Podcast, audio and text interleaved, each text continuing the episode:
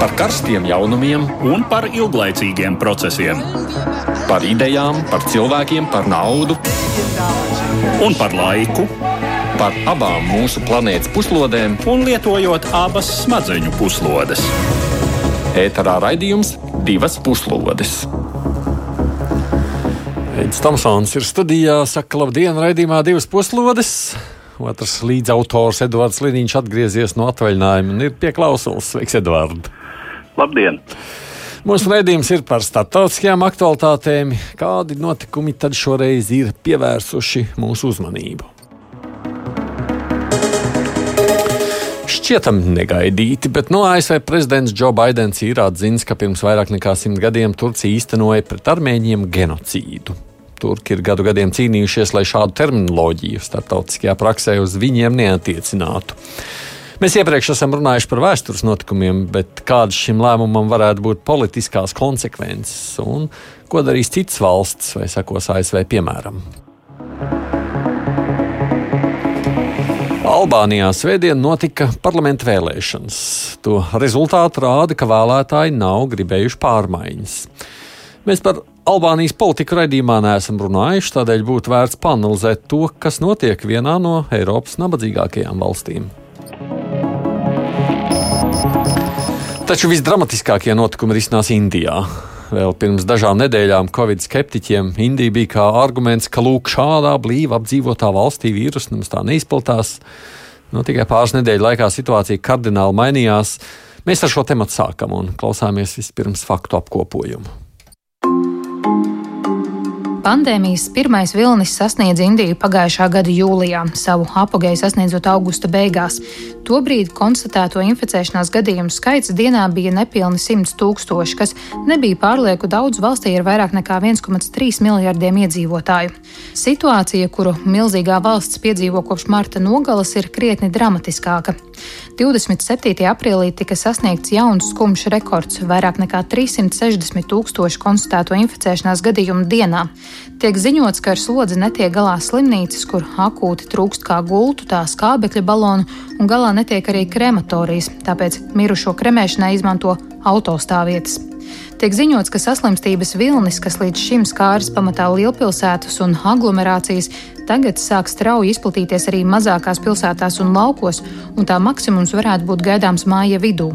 Pašreizējās situācijas attīstībā daudzi vaino premjerministra Nerandas Modija valdību. Noklausīšanās par centrālās valdības darbu uzsākta Indijas augstākajā tiesā ar mērķi noskaidrot, vai valdība pietiekami nopietni gatavojusies pašreizējiem pandēmijas uzliesmojumam. Kritika par premjera Modija valdības darbu vairojas arī sociālajos tīklos, un ir aizdomas, ka varas iestādes mēģina cenzēt šādu saturu. Tā vakar no Facebook pēkšņi pazuda ieraksts ar tēmturi Resign Modi, jeb Modi atkāpies. Vēlāk gan tie atjaunot, un Facebook pārstāvs apgalvojas, ka tie dzēsti kļūdas dēļ dēļ, nevis pēc Indijas valdības pieprasījuma. Pie klausulas ir arī laikraksta dienu komentētājs Andris Sedlnieks. Sveiks, Andi! Sveicināti! Mm. Vairāk nekā gadu tā vien šķiet Indijai izdevās noturēties pret epidēmijas briesmām. Kas tad beigās ir tas, nu, tagad jau šķiet vakcīnu cerību? Kāpēc tā situācija tik ļoti izmainījās, Andi? Nu, es neesmu epidemiologs, un man liekas, tā visai grūti spriest, kādēļ tieši tā, bet uh, es tā skatījos uh, video, internetā video no viņu tradicionālajiem svētkiem, kur, kas notika salīdzinoši nesen, un kur milzīgi ļaužu pūļi bez jebkādām maskām pulcējās un tur visādi izdarās. Tēlājiem izsakoties. Jā, jā. Un es domāju, ka principā droši vien visticamāk ir tas, ka uh, to drošības pasākumu neievērošana uh, Nu, un arī tas nu, kopēji apstākļi, kad teiksim, tas milzīgais cilvēku blīvums un ko, kad tas principā visticamāk bija tikai laika jautājums, kad tā pandēmija tur sāksies. Nu, tagad tas, diemžēl, ir noticis. Es... Indija ir kļuvusi par jaunu epicentru. Jā, es atceros, ka es arī skatījos Eiroņūs, viņiem tas tāds no komenta, vai ne? Kur vienkārši kadri no Indijas, es domāju, wow, tur viņiem gan labi paskaties, nekādi vīrusi neplosās, viss tik ļoti mierīgi, Edvard, vai ne? Tas taču ir viens no tādiem uh, rādītājiem. Jā, nu, es domāju, ka tā lietas būtība ir tāda, ka uh, Pirmais epidēmijas vilnis, kas eh, Indijā bija samērā neliels šīs valsts izmēriem, protams. Bet, ja mēs palūkojamies uz citām lielām un arī salīdzinoši blīvi apdzīvotām valstīm, kādas ir piemēram Savienotās valstis, Brazīlija, nerunājot par Eiropas valstīm, tad situācija proporcionāli bija daudz smagāka. Indiju tas pirmais vilnis pagājušā gadā skāra samērā mazāk, un nu, tas noplaka, tas sāka noplakt uh, uz rudens pusi, uh, un ziemā jau faktiski visiem šķita, ka tur viss būs labi.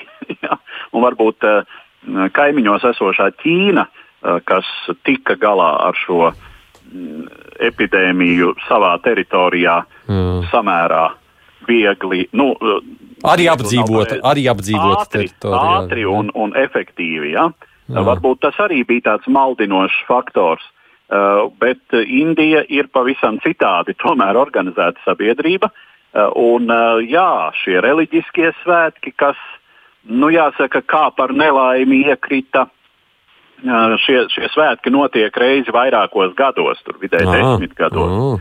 Aha. Un tāpēc tas ir ļoti svarīgi hinduistu, hinduisma ticīgajiem. Un, nu, jā, tāda nelaimīga sakritība, arī šīs štatu vēlēšanas. Uh, bet uh, droši vien, ka arī bez tā, uh, nu, katrā ziņā tā spriež paši vietējie. Droši vien arī bez mm. tā problēmas būtu.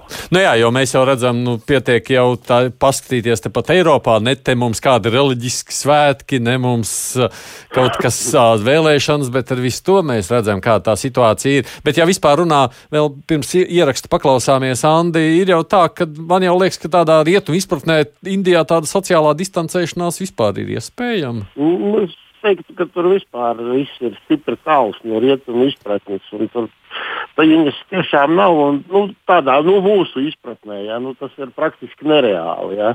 Un vēl viena lieta, ko varbūt es vēl piebilstu Eduarda teiktā, ir tas, ka valdība tomēr stipri, stipri vilcinājās, no, vilk, un joprojām vilcinās noteikti tā saucamos lockdowns atvēlētos nu, štatiem, jā, jo tas iepriekšējais lockdowns, kas bija, tā, tas tika atzīts par vispārēju ekonomisko katastrofu, jo valsts ne tuvu nav tik bagāta un arī tās iespējas, kādas nu, viņiem tur ir, tādas ir, jā, un viņi šādas greznības atšķirībā teiksim, no pārtikušākām valstīm vienkārši nevar atļauties, jo tas jau ir jautājums daudzos gadījumos par to, vai tiem cilvēkiem tiešām būs ko ēst. Ja? Mm. Tas arī ir viens tāds būtisks iemesls, ka, nu, teiksim, ka tev ir jāizdara tā izvēle, vai riskēt uh, un cerēt, ka viss beigsies labi, jāsaucās, vai arī iestikt kaut kādās iespaidīgās ekonomiskās problēmās. Tad es saprotu, cerība jau ir tāda lieta, kas parasti mirst pēdējā. Edvards, tev bija saruna ar kādu no Indijas. Tu vari pieteikt ko vairāk? Jā, nu tā tad. Uh, uh, Kurišingals Soāna kungs uh, ir bijušais Koči pilsētas galva. Uh, tā ir pilsēta, kas atrodas piekrastē Indijas, Indijas rietumu piekrastē. -hmm. Salīdzinoši liela pilsēta un nu, arī salīdzinoši attīstīts rajons. Uh, un tad jā, viņš, būdams arī teiksim, administratīvajos jautājumos un politiskajos jautājumos visnotaļ iespaidīts cilvēks. Um, viņš sniedz savu komentāru. Klausāmies ierakstu. Nothing specific about it, but the Specifiski ir tas, ka šis ir otrais saslimšanas vilnis, un neviens neparedzēja, ka tas būs tik plašs. To ir veicinājuši vairāki faktori. Vairākos štatos notika vietējās štatu vēlēšanas. Mēdz sacīt, ka mūsu vēlēšanas ir ļoti emocionālas. Kad ir runa par politisko cīņu, cilvēki aizmirst visu un pulcējas priekšvēlēšanu mītīņos, un tādus šoreiz noturēja pat premjerministrs. Tas ir viens faktors, kas, kā uzskata, ir veicinājis šo situāciju. Tomēr šis vilnis ir smagi skāris arī tos štatus, kur vēlēšanas nenotika. Daži min kā faktoru lielos hinduistu reliģiskos svētkus Kumhamela, kas notiek apmēram reizi desmitgadē, un kuros trīs dienu laikā pulcējas apmēram desmit miljoni cilvēku, lai mērcētos Gangas upē. Tomēr arī tas nav skaidrojums, jo pašreizējais vilnis veļas pāri pilnīgi visai Indijai. Šī ir jauna vīrusa mutācija, un galvenā problēma ir tā, ka šī forma izraisa smakšanu. Cilvēki smok, jo strauji krītas skābekļa līmenis asinīs.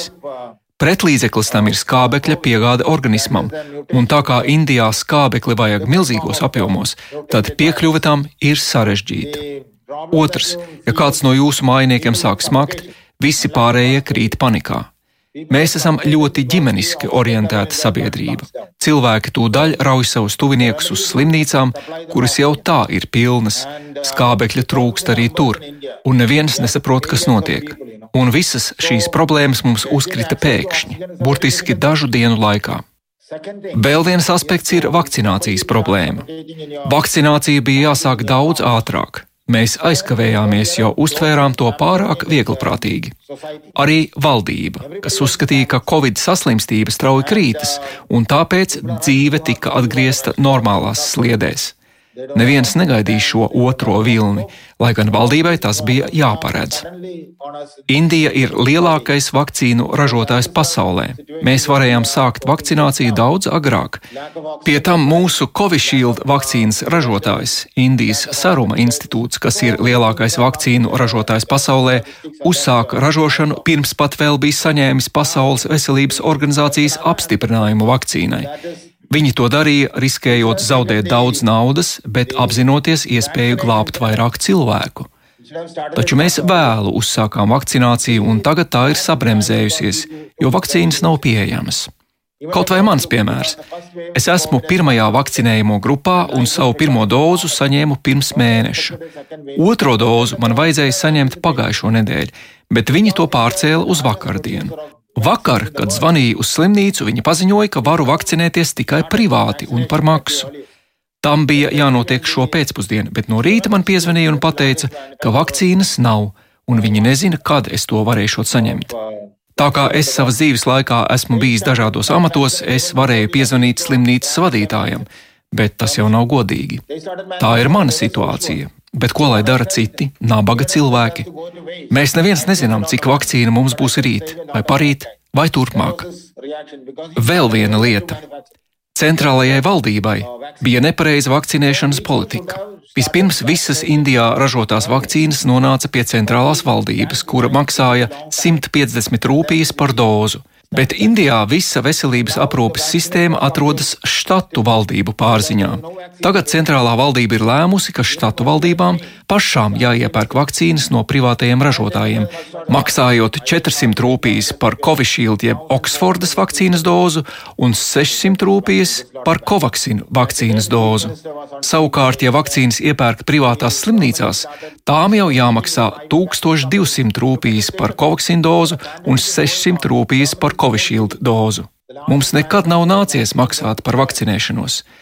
Vakcīnu ražošana Indijā sākās jau Britu laikos, un visas vakcīnas vienmēr ir bezmaksas.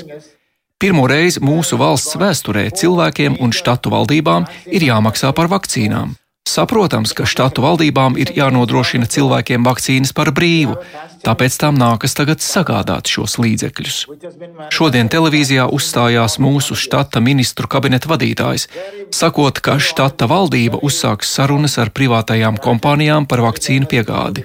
Kad pandēmija turpinās, valdība vēl ir tikai sarunu procesā ar lielāko vakcīnu ražotāju pasaulē.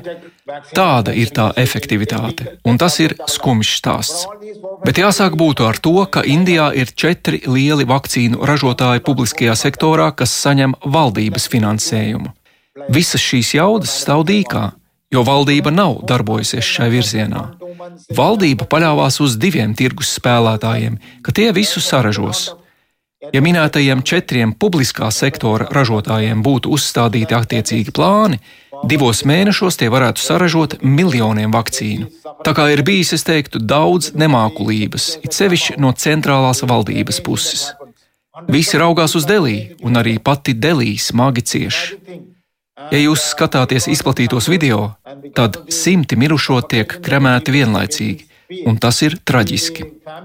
Cilvēkus, kuri smok, ģimenes locekļi ved uz slimnīcām paši būdami bez jebkādas aizsardzības. Tāpat tiek pārvietoti mirušo ķermeņi. Visa tā piesardzība, kas tika ievērota pirmā infekcijas viļņa laikā, tagad ir atmesta. Tāda ir situācija. Ļoti sāpīga. Kādas varētu būt šīs situācijas politiskās sekas? Šis ir smagi skāris cilvēku dzīvi, un centrālajai valdībai nāksies par to politiski samaksāt. Taču vēlēšanas vēl ir tālu. Tās būs pēc apmēram četriem gadiem, un sabiedrībai ir ļoti īsa atmiņa. Tomēr pasaule un mediji un ik viens prasīs no centrālās valdības šo atbildību. Jau šobrīd astoņu štatu augstākās tiesas un arī valsts federālā augstākā tiesa ir ļoti nopietni vērsušās pret valdību. Valsts augstākā tiesa Delī ir paziņojusi, ka šis nav nekāds ciklons, šis ir tsunami. Spēcīgāk to vairs nevarēja raksturot. Tikai vakar centrālā valdība atviegloja muitas nosacījumus skābekļa un vakcīnu materiālu importam. Iedomājieties, līdz šim par to bija jāmaksā ievedmuita. Centrālajai valdībai par to būs jāatbild, sevišķi jau premjerministram. Par to nav nekādu šaubu. Nu, tā Kurišingals, Joslains, Soans, Eduards saruna ar viņu šeit. Tā, Uh, ierakstā mēs dzirdējām, mums tā Agnēs raksta, klausoties šo visu atceros pagājušo pavasaru, kad vīrusu vilnis sāk vēlties pār Eiropu. BBC komentāros epidemiologi, infektologi, PVO eksperti tieši Indiju visbiežāk minēja kā to potenciāli sprādzienu bīstamāko reģionu. Uh, Eduard, tavuprāt, tās konsekvences kādas šim visam varētu būt Indijā? Nu, Zoana kungs jau mm. apmēram arī to raksturoja. Bet, eh, protams, ka Indijā eh, nu, eh, sabiedrība ir vieglāk saviņojama arī kaut kādām nu, teiksim, tādām emocijās balstītām akcijām. Un, nu, nav teikts, ka tur nesākas kādi nemieri vietām, sevišķi tajās provincēs, kur šai pašreizējai valdībai uh, nav vairākuma atbalsta. Un, lai gan teiksim, iepriekšējās vēlēšanās mēs atceramies, kā valdošā partija un premjerministrs Modi guva diezgan pārliecinošus rezultātus, tad nu, mēs zinām, ka, kā politiskais kapitāls mēdz dilt gadījumā, ja sabiedrībai ir nopietnas problēmas. Nu, mm -hmm. Grūti spriest. Jā, jās, jāsako būtu tagad šiem štatu vēlēšanu rezultātiem. Tas būs zināms indikators, uh, kā tad uh, turpmāk tas varētu virzīties. Nu, līdz šim pagaidām, um, cik es skatījos, tad uh, pagaidām nemana, ka valdošā partija ļoti zaudētu savas pozīcijas, bet līdz šim arī vēl šī problēma, ja šis uh, epidēmijas uzliesmojums, pandēmijas uzliesmojums eh, nav sasniedzis savu apgāju. Tā jau gan. Andi, tavuprāt, tālākā notikumu attīstība kāda ir? Ir grūti spriest. Es tomēr gribu atgādināt, Indijā tā demokrātija ir tāda visai specifiska, un tur daudz kas ir balstīts uz cienījamu cilvēku sarunāšanu. Tajā skaitā arī atbalsts tai vai citai no lielajām partijām lielā mērā ir atkarīgs no tā, ko savā starpā sarunā cienījami cilvēki. Lielākā daļa, ievērojama daļa šo vēlētāju, viņi tur pastāv pēc kastu un vēl citiem principiem un balso tā, kā saka vietējais līderis. Tā kā tur ir grūti spriest. Bet es tā, tā teikt, cik es redzēju, paskatījos Indijas presē, Nacionālais kongress, teikt, ir, tas ir oponenti, ja, tie ir uh, stipri sarosījušies uz šī fona, un es pieļauju domu, ka tur daudz kas būs atkarīgs. Nu, Daudz kas būs atkarīgs no tā, ko viņš spēs piedāvāt. Bet, kā jau minēts, līdz tam vēl ir ļoti tālu. Un šie štati ir ļoti nu, tādas specifiskas un bieži vien no li lielās nacionālās politikas visai patālas vietas, ja, kur kur savā starpā konkurē partijas, kas būtībā tur nu, apmēram varat iedomāties mūsu pašvaldību vēlēšanas, ja, nu, protams, daudz miljonu mērogā, ja, kur mm. būtībā ja tev ir tikai zīmols no tās partijas, nekas reāli ar tevi viņu tur īpaši nesaist. Ja. Mm. Tā kā tur ir tiešām ļoti grūti spriest. Pabeidzot vēl šo tematu, starptautiskai palīdzībai tur varētu būt kaut kāda būtiska ietekme, lai palīdzētu Indijai, jūsuprāt? Nu, es nu, domāju, viens, viens tāds moments tagad ir, cik es saprotu, tur kuru katru brīdi ir lielos mērogos jāsākās Krievijas vakcīnas ražošanai. Tas tehnoloģija transfers tur ir praktiski noslēdzies. Un, uh, tas ir viens moments, un otrs moments, protams, ir galvenokārt jau par vakcīnām. Cik lielā mērā uh, no rietumiem ir gatavība kaut kādas vakcīnas piegādāt. Jā. Jo, kā minēts, Indijā ir spējīgi saražot daudz vakcīnu, bet nu, no Ķīnas viņi ņemt viņas, protams, dažādu iemeslu dēļ nevēlas. Un tās vakcīnas, ko viņi tur uz vietas ražotāji, ir AstraZeneca un Sputnik. Nu. Ko piegādās, to piegādās. Nu, mums jau arī pašiem, kā zināms, ka, nu, kas tad ir priekš 1,3 miljardiem, viens uh, Eiropas miljonu šķiet, viens tāds piliens, Edvards. Kā tu domā? Nu, visdrīzāk ir tā, ka vakcīnu piegāde kā tāda. Uh, tiešām nav liederīga šai brīdī, jo, kā jau mēs dzirdējām, ierakstā Indijai pašai ir diezgan lielas vakcīnu Jā. ražošanas jaudas. Un, uh, atceroties vēsturi, Indijas, tad citi ir tiešām viena no pirmajām vietām pasaulē, kur sāka uh, īstenot masveida vakcinēšanu. Toreiz Britu koloniālā administrācija zināmā mērā pat eksperimentējot ar indiešiem, eh, kad vakcīnas 19. gadsimtā vēl bija jaunums, eh, tad pārbaudot to efektivitāti tieši tur, šais milzīgajās cilvēku masās. Tā kā Indijai ir diezgan daudz iespēju, un tas, acīm redzot, arī ir tas ceļš, eh, kas ir ejams. Nu, jāsaka, es domāju, ka Indijā ne Pfizer, ne Moderna uh, netiks īsti izmantot, tāpēc, ka tas ir par dārgu. Eh, nu, šobrīd eh, es pieļauju, ka privāti bagātākie indieši var nopirkt paši šīs vakcīnas. Bet, ja ir runa par šiem simtiem arī... miljonu vienkāršo cilvēku, Protams. nu jā, tad tur, teiksim, Sputniks, ja, kas ir arī salīdzinoši lēta tehnoloģiski vakcīna, apmēram tas pats, kas AstraZeneca jeb Oksfords vakcīna.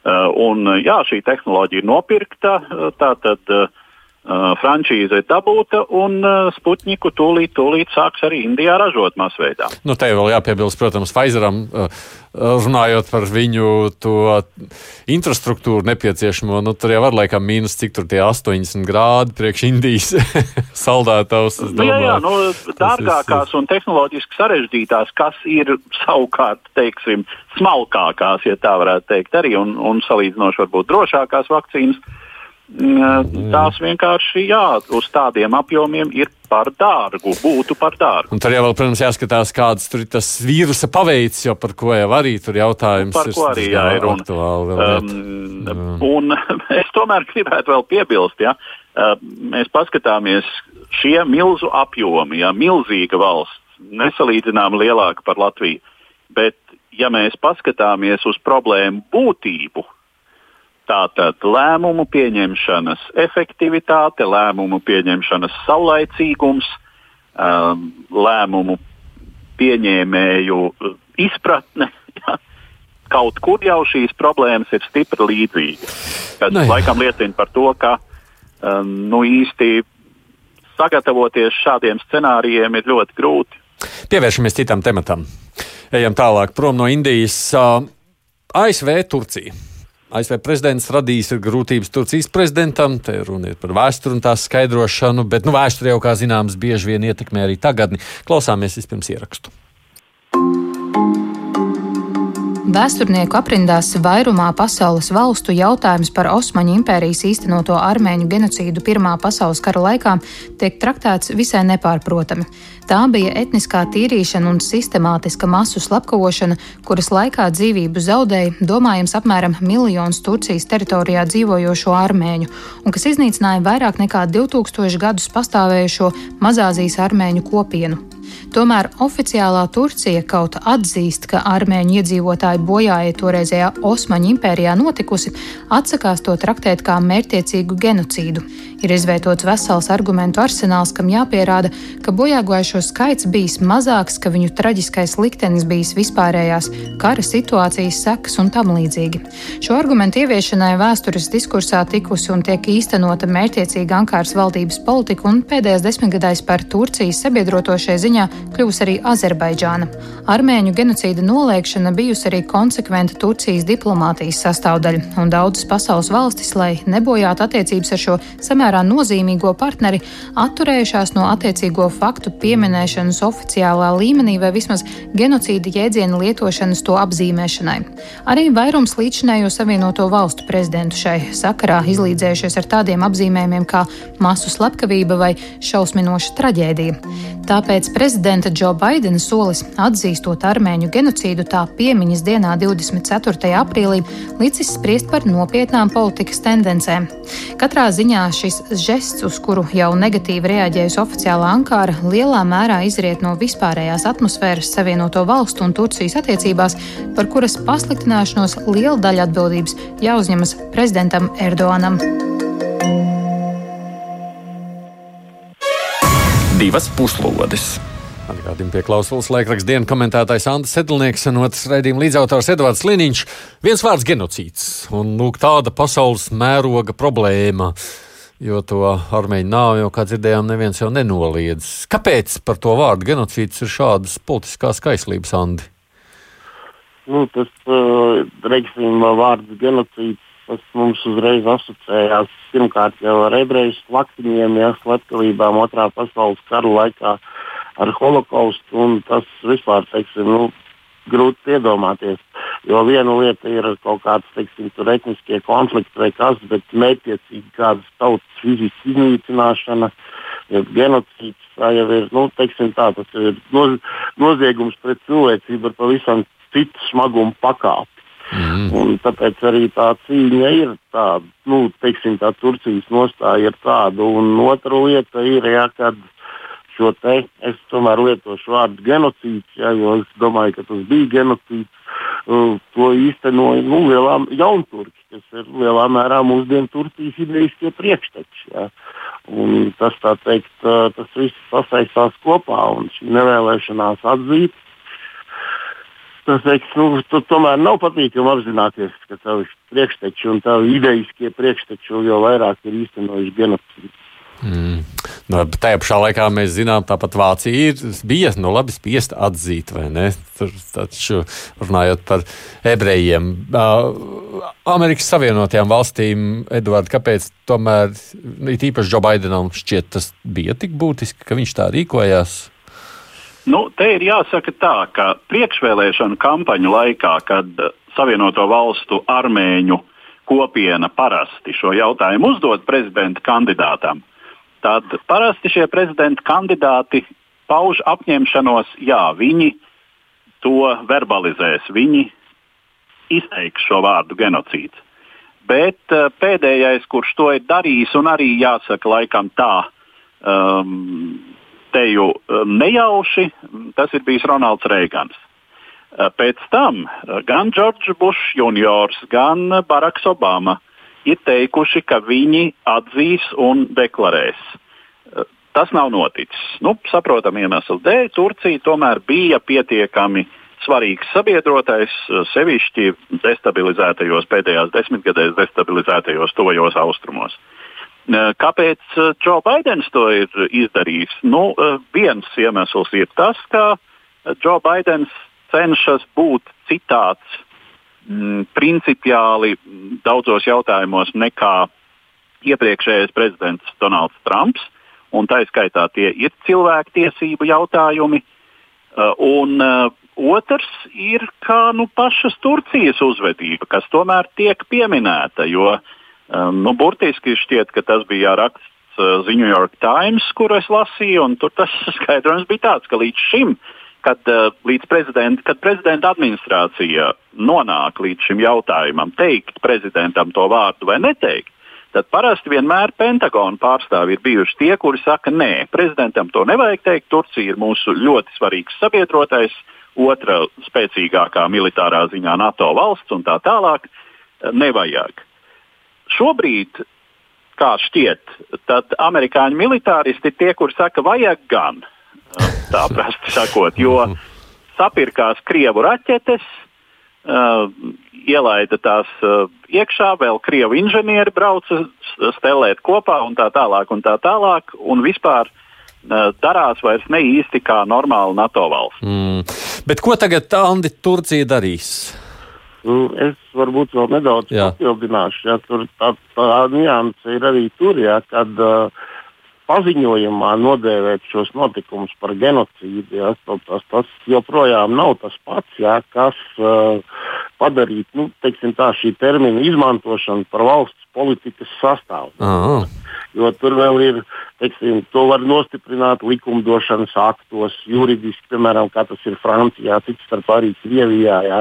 Un tas jau ir pats cits līmenis. Pagaidām tas ir apmēram tā. Nu, es nosaucu, un Ronalds Reigans 81. gadā arī nosauca to par genocīdu. Ja. Bet, uh, principā, mēs varam jebkurā brīdī teikt, ieslēgt uh, atpakaļgaitu. Un, ja kas nesen skatījos, ASV valsts sekretārs Antonijs Blinkens, viņš jau tur bija paspējis izteikties kaut kā grūti saprotam, ka nu, vispār jau tā kā genocīds, bet nu, turki tā kā nav vainīgi. Ja, tur tā ļoti nesaprotam tas viss izklausījās. Jā. Es domāju, ka galvenais šajā gadījumā ir tas, ka Turcija, protams, uz šādiem paziņojumiem vienmēr reaģē ārkārtīgi asi. Jā. Tas, ka, piemēram, Turcijas plašsaziņas līdzekļi ir pārpludināti ar infografikām jā, teiksim, par indiāņu ja pamatiedzīvotāju slepkavībām ASV, par vergu slepkavībām, par ASV militāro kampaņu laikā bojā gājušajiem civiliedzīvotājiem. Tas uh, rezultāts draudz būt uh, nevis tāds, ka tagad uh, Turcija tur Erdogana vadībā teiksim, ņemsies uh, nu, pie sāks īstenot kādu ASV vēlamu politiku, bet gluži pretēji radikalizējās vēl vairāk un uzskatām demonstrē, ka uh, viņai daudz tuvākas ir attiecības ar Ķīnu un Krieviju, uz ko viņi arī visu laiku sliecās. Tāpēc uh, es domāju, ka tas ir tāds kārtējs mēģinājums pabaidīt Turciju, kur principā var arī tikpat ātri izskatās jau, ka tiek ieslēgts savu veidu atpakaļgaita. Nu, vispār jau bija, bet mēs jau tā nemaz nedomājām, un Turcija jau nemaz tik slikti nav. Tas es to vairāk uztveru kā tādu nu, teiksim, politisko spēļu vai politiskā tirgus uh, instrumentu, kuru izmantot, ja, un tad skatīties, ar ko tas beigsies. Jo šie te, uh, dažādas rezolūcijas, sankcijas, tā ir, nu, diemžēl, ASV politikas vai par laimi, kā kuram labāk tīk neatņemama sastāvdaļa. Tas nevienmēr dod to efektu, uz ko ir cerēts. Tālāko, tavuprāt, Eduarda attīstību notikumu? Nu, es domāju, ka jā, tas paliks tādā verbālā līmenī, lai gan, protams, tādas lietas īsti neaizmirstas. Un, bet nu, tādu lietu, tādu nianšu jau pēdējā laikā attiecībās ar Turciju ir ļoti daudz. Un Erdogans, es domāju, sagādā galvas sāpes uh, Te viņš eh, pienācīgi krēslu nepiedāvā, vai ne Fonderlejenas kundzei izstājas no, no tās augtās Stambulas konvencijas un tā tālāk. Un tā tālāk. Nu, ir, ir, un ir vispār ir nepārprotami ar autoritāru līdera žestiem un arī brīžiem jau rīcību. Un Turcija jau eh, slīd savā, savas eh, teiksim, autoritārās vai, vai militāro diktatūru pagātnes virzienā. Mm. Tā kā, protams, Turcijā iekšēji eh, nu, nekāda, nekāda savas politikas, līdzinējās politikas pārskatīšana nenotiks. Un, Visdrīzāk es teiktu, nu, tas pamazām, pamazām amortizēsies tad, ja nebūs jauni citi sācinājumi. Mm. Nu, labi, mums šodien ir dažādi notikumi. Kaleidoskops ir skaidrs, ka Turcija mums būs droši vien biežāk uzmanības lokā nekā dažas citas pasaules valsts. Gan jau mēs par nākošiem notikumiem arī runāsim, bet ir viena valsts, par kuru ir interesanti runāt, jo es domāju, ka mēs No Latvijas neko daudz par to nezinām. Es domāju, vairums no latviešu nekad nav šajā valstī, Eiropas valstī bijuši. Albānija kā tāds interesants turisma galamērķis nekad nav latviešiem šķiet licies interesants. O, tur nedēļas nogalē bija parlamenta vēlēšanas, un tāpēc ir iemesls pievērsties šai nabadzīgajai Eiropas zemē. Klausāmies notikuma apkopojumu vispirms. Pagājušo svētdienu notikušās Albānijas parlamenta vēlēšanas, kurās mandātus ieguva 140 deputāti, ļāvušas saglabāt valdošās pozīcijas Albānijas sociālistu partijai un premjerministram Heidī Ramam. Sociālistu vietu skaits parlamentā palicis nemainīgs - 74, kas ļauj veidot vienpartijas valdību. Lielākais opozīcijas spēks, konservatīvā Albānijas demokrātiskā partija, savu vietu skaitu palielinājusi, taču tas noticis uz mazākās opozīcijas partijas Socialistiskā integrācijas kustība rēķina. Šai partijai, kuras dibinātājs ir pašreizējais Albānijas prezidents Ilīrs Meta, zaudējot lielāko daļu savu mandātu parlamentā bez diviem lielajiem pretiniekiem, sociālistiem un demokrātiem, palikušas tikai divas sīkpartijas, kuras kopā dala septiņas vietas. Vēlēšanas noritējušas uz ielgušas politiskās krīzes, vardarbīgu incidentu un apšaubāmu varas darbību fona. Krīze valstī ilgst kopš 2019. gada februāra, kad opozīcijas partijas uzsāka protestu organizēšanu un vairāk nekā 40 deputāti atteicās no mandātiem. Opozīcija vaino valdošo sociālistu partiju korupcijā un negodīgā darbībā, ietekmējot vēlēšanu rezultātus, un periodiski parādījusies informācija liek spriest, ka šie pārmetumi nav bez pamata. Neilgi pirms šīm vēlēšanām atklātībā nonāca datu bāze, kuru izmantojusi valdošā partija. Tajā atrodamas ziņas par vairāk nekā 900 tūkstošu personu, tā skaitā tādas, kas pieejamas tikai slēgtās valsts datu bāzēs. Pie tam šie simti tūkstoši vēlētāju sadalīti apmēram 9 tūkstošiem tā saucamo patronāžistu, partijas aktīvistu, kuriem jāgādā, lai šie vēlētāji balsotu par viņu partiju.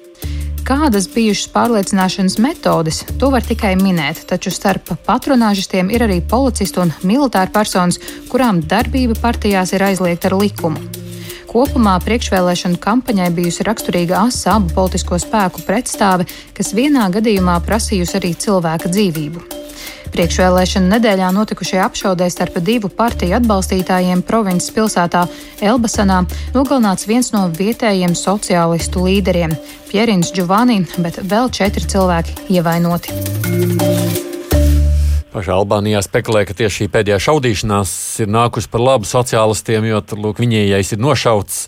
Nav daudz tādu Eiropas valstu, kur politiskās domstarpības risina šaujamieročiem, vai ne tā, Edvards? nu, pavisam maz. Tā man gribētos teikt par laimi.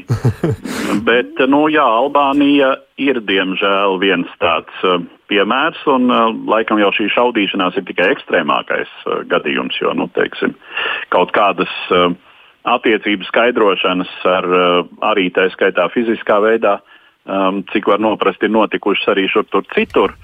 Nu, te jāsaka, ir tā, ka. Um, Albānijai ir raksturīgas problēmas, kuras mēs tā, nu arī droši vien ne šādos mērogos, bet uh, atceramies no 90. gadiem. Uh, nu, problēmas, nu, un arī varbūt mazliet vēlākiem laikiem jautājumi par to, vai politiskā vara nesauga ar gluži kriminālām aprindām, vai neveidojas uh, tāda trejsavienība starp valdošo partiju, mm, nu, teiksim, oligarhiem, tā izskaitā uh, ar kriminālu ievirzi un uh, arī tiesību sargājošajām uh, struktūrām. Mm, nu, tā kā. Mm, nu jā, daudz tādas nianses. Bet vispār Albānija no tādas Eiropas politiskās aprits. Nu, vispār šķiet bijusi tā diezgan nomaļas. Mēs no, paši ar daudz. Albāniju vispār ir, ar Albāniju vispār ir tā, ka tā bija ļoti uh, salīdzinoši ilgi diezgan izteikti izolēta valsts, mm -hmm. uh, kurai bija minimāli sakari, ja mēs runājam par Eiropas standartiem. Nu, minimāli sakari tā bija tā sacīt sociālistiska valsts nu jā, padomi, savā laikā. Padomi. Uh, bet tā nebija Padomju Savienības sabiedrotais pie tam. Kādu laiku tās sabiedrotais bija Ķīnas, Ķīnas Tautas Republika. Mm nu, un, laikā, kad Ķīnas Tautas Republikā Eiropā neviena cita tāda izteikta sabiedrotā nebija.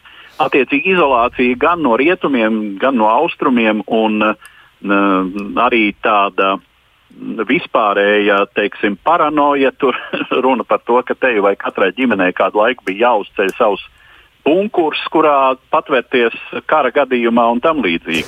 Bet, uh, un kaut kur jau šis mantojums arī mazliet uh, ietekmē to šī brīža situāciju Jā, Albānijas. jā, jo, sabiedrībā. jo redz, mēs par daudz valstīm runājam, Andi, piemēram, bet par Albāniju vispār reti atminamies. Drīzāk tā kā garām ejot. Jūs, kāpēc nu, tā jā, sanāk? Tur nekā tāda uh, ievērības cienīga it kā, nu, jā, tā izolācija un viss, tur ir vēl tādas vairākas nianses, kur dēļ patiesībā to vajadzētu darīt uh, biežāk, jā.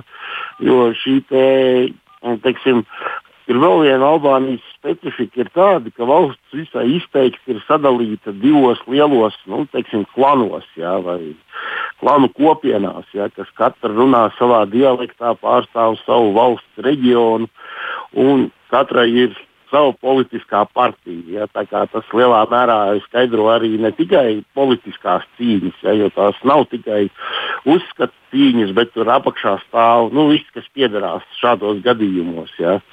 Un, uh, Tas ir viens, otrs. Viņi visi ir, ar, nu, visi varbūt nē, jā, es pieļauju domu, ka tās mazās partijas, nē, bet šīs lielās partijas, jā, teiksim, kuras apsūdz to esošo premjeru Ramiju autoritārismā, ja, tas ir apmēram no sērijas, kad uh, patiesībā kāpēc viņš, kāpēc ne es. Ja. Nu, teikt, tas ir tas viens aspekts, ja, tur ir iespējami ļoti daudz dažādu pavērsienu tajā skaitā, jo tur tiešām viss ir ļoti cieši saudzis. Jā, arī tajā skaitā arī dažādas no, noziedzīgās struktūras. Un tā, bet šajā gadījumā galvenais ir tas šī ideja par tā saucamo lielu Albāniju, kas ir par visu Albāņu apdzīvoto zemi apvienošanu, tur ieskaitot Kosovu, Maķedoniju, kur viņi tur vēl ir. Jā. Un šī ideja ir ārkārtīgi spēcīga, ka vispār ir teiksim, šī te tieši nacionālā, nacionālisma ideja Albānijā, neraugoties uz viņu iekšējām domstarpībām. Viņi ir ļoti, ļoti spēcīgi, jā, un šī iemesla dēļ tas, kas tur notiek, tas varētu teikt, raisīt arī krietni tālajošākas sekas, jo Balkāni Nu, tā vienmēr ir bijusi Eiropas pūlera mute. Mums Sanda Veidemane Hamalari, kas ir latviete, ir ieprecējusies un dzīvo šobrīd Albānijā, ir pie telefona klausās. Sveika, Sanda! Jā, labdien! Cik ļoti vispār vietējos cilvēkus interesē tas, kas notiek politikā? Viņi iesaistās, viņas, viņi ir politiski aktīvi. Jā, jā Albāņi, Albāņi jā, tas ir, ir viena no karstākām tēmām. Jā, visur vienmēr uh, tiek apspriests uh, futbols un, uh, un politika. A, kāpēc? Tās divas galvenās tēmas. Futbolists vēl saprast, bet politika reizēm jā. šķiet. Diezgan tālu no tādas jā, tas, jā, es, izdomāju, es domāju, ka jā, mums latviešiem to varētu būt grūti saprast, tāpēc ka mums uh, uh, pirms vēlēšanas vai pēc vēlēšanām vienalga uh, dzīve ir tālāk. Viss tāpat, lai mums ir kā Latvijā nodalīts tā politiķa dzīve jā, jā. Un, un, un, un parasto pilsoņu dzīve. Jā, tas ir pilnīgi kaut kas nodalīts. Šeit tā nav.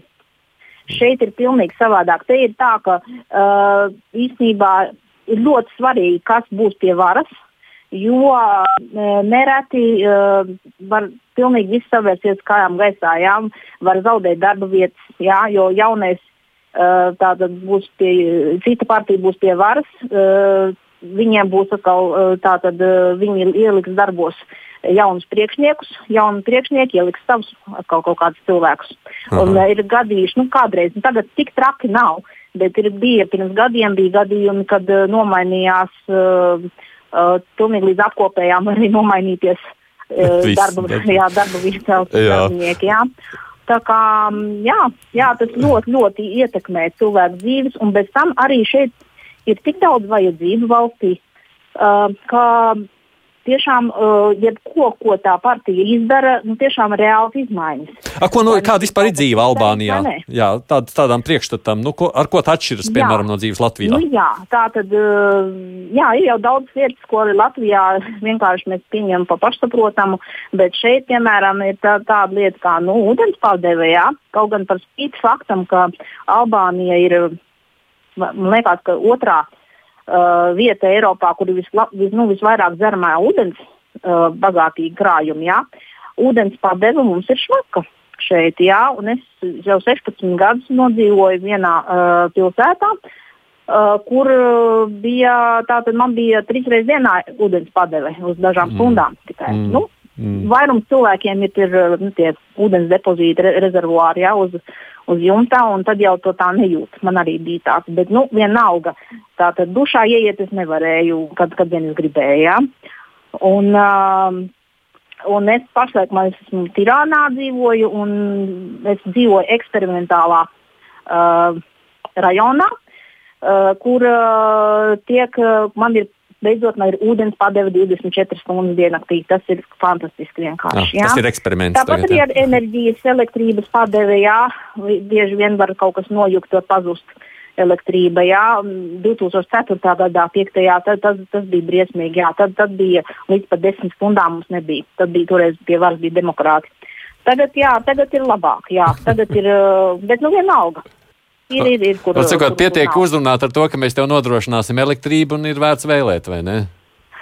Uh, nē, nu, jau arī vēl ir citas lietas, kas, piemēram, tātad, uh, piemēram, uh, priekšvēlēšana šie solījumi. Uh, nu, mums ir, ir tā, ka uh, tiek strādāts ļoti aktīvi, visādas milzīgas pārmaiņas notiek tieši, tieši vēlēšana kampaņas laikā.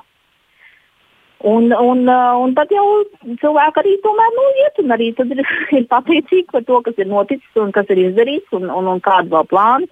Uh, ir, ir uh, kā, uh, mm. piemēram, uh, uh, jā, šis tas, ka, ka Edija Rāma uh, ieguva trešo mandātu, tas ir, tas ir vēsturisks vispār fakts.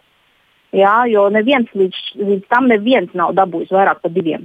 Un viņš tagad arī sacīja, ka es arī, jā, jūs neesat apmierināti līdz galam, bet mēs, mēs arī neesam apmierināti, tāpēc es arī kandidēju trešo reizi. Mm -hmm. un, un viņš ieguva, un ko viņš ir izdarījis, viņš, tātad, viņš ir mazajiem biznesiem, ir uztaisījis, ka mazie biznesi, kam ir zem 140 tūkstoši eiro apgrozījums gadā, viņi ir bez nodokļiem līdz 2029. gadam. Mm. Tikai nu, tie apdrošināšanas, veselības, nu, tas, nu, tādas lietas ir tas jānomaksā. Mm -hmm. Tad vēl uh, viņš turismu tagad aktīvi. Viņam ir nu, konkrēta vīzija. Tā viņš uh, grib aktivizēt turismu. No, Albānija ir ļoti skaista, um, šeit skaista daba. Uh, daudz kas ir vēl tāds nu, neskarts. Jā. Un, um, tā tad uh, viņš uzbūvēja uh, uh, lidostu, otro lidostu Kukas pilsētā. Tātad, kur ir lidosta, tur arī būs arī darba vietas, vai ne? Viņš vēl norganizēja pirmā, mums vēl, tas bija nesen šī pirmais lidojums no Londonas uz, uz, uz, uz, šo, uz šo lidostu. Uh, viņš to norganizēja pa velti. Vis, kas gribēja, varēja, pie, varēja mm. braukt ar šo lidmašīnu pa velti uz Albāniju. Tādi mazliet populistiski gājieni. Es jāsaka, Sanda, nu, paldies. Jā, jā, Laiks tomēr, man vairs neļauj. Jā, Sanda Veidemana, Tomalāri, paldies par interesanto jā. stāstījumu. Mums te Kārlis raksta, ka viņš ir bijis Albānijā pirms tik, daž, dažiem pār, ne, pirms pāris gadiem, 19. gadā. Divas lietas, kas iekrita acīs - milzīga netīrība un milzīgs viltums, daudzums viltot apģērbu un apaugu, kas tur esot. Andi, pabeidzot vēl šo sarunu, kā tev šķiet, Albānijai ir cerības kaut kā izrauties ārā no tās? Nu, ja, ja tā teikt, sāksies kāda vispārēja atjaunošanās, nu, tad kāpēc ne? Kaut gan tā vietējā specifika, nu, viņa tur tāda ir kā ir. Es varbūt tā piebildīšu, man vislabāk patīk frāze, ka tad, kad atslēdz elektrību pie varas, bija demokrāti. to es no, tālu redzi, bijis tas, tas, tas piemērs. Vienīgais ir, gribētos varbūt aizbraukt uz Albāniju, vai ne? Vajadzētu... Tas varētu būt. Es esmu runājis ar cilvēkiem, kas tur ir bijuši, kas saka, ka tas nesot, nesot vēl civilizācijas sabojāta vieta. Mm. Nu jā, kas nu kur, protams, mudina vai interesē. Bet man jāsaka, kolēģi, paldies, jo, ja mēs vēl aizsāksim tālāko sarunu, es vairs nepaspēšu vēl dažas ziņas, citas līdzdalīt. Tāpēc paldies jums, Andris Sedlnieks, ir laikraksta diena komentētājs un Edvards Liniņš, mūsu raidījuma otrs līdzautors. Paldies jums par sarunu! Paldies! Attiecībā uz Albāniju, protams, viss vēl ir priekšā, kā mēs Sanda sacīja. Šobrīd tur viņi vienreiz redzējuši viens latviešu turists, bet, nu, kā saka, kādreiz mēs vēl varētu, varbūt nākotnē šo ainu ieraudzīt. Tā tad atvēlēts laiks vēl ir dažām citām ziņām īsumā. Saku paldies par visiem sadarbību. Mēs turpinām tālāk ar citām aktualitātēm. Eiropas parlaments šonadēļ Briselē ratificēja pēc Brexita tirdzniecības vienošanos ar Lielbritāniju. Jāatgādina, ka Britu parlaments to apstiprināja jau decembrī. Līdz ar to vairāk nekā tūkstošu lapušu garais līgums stāsies spēkā 1. maijā.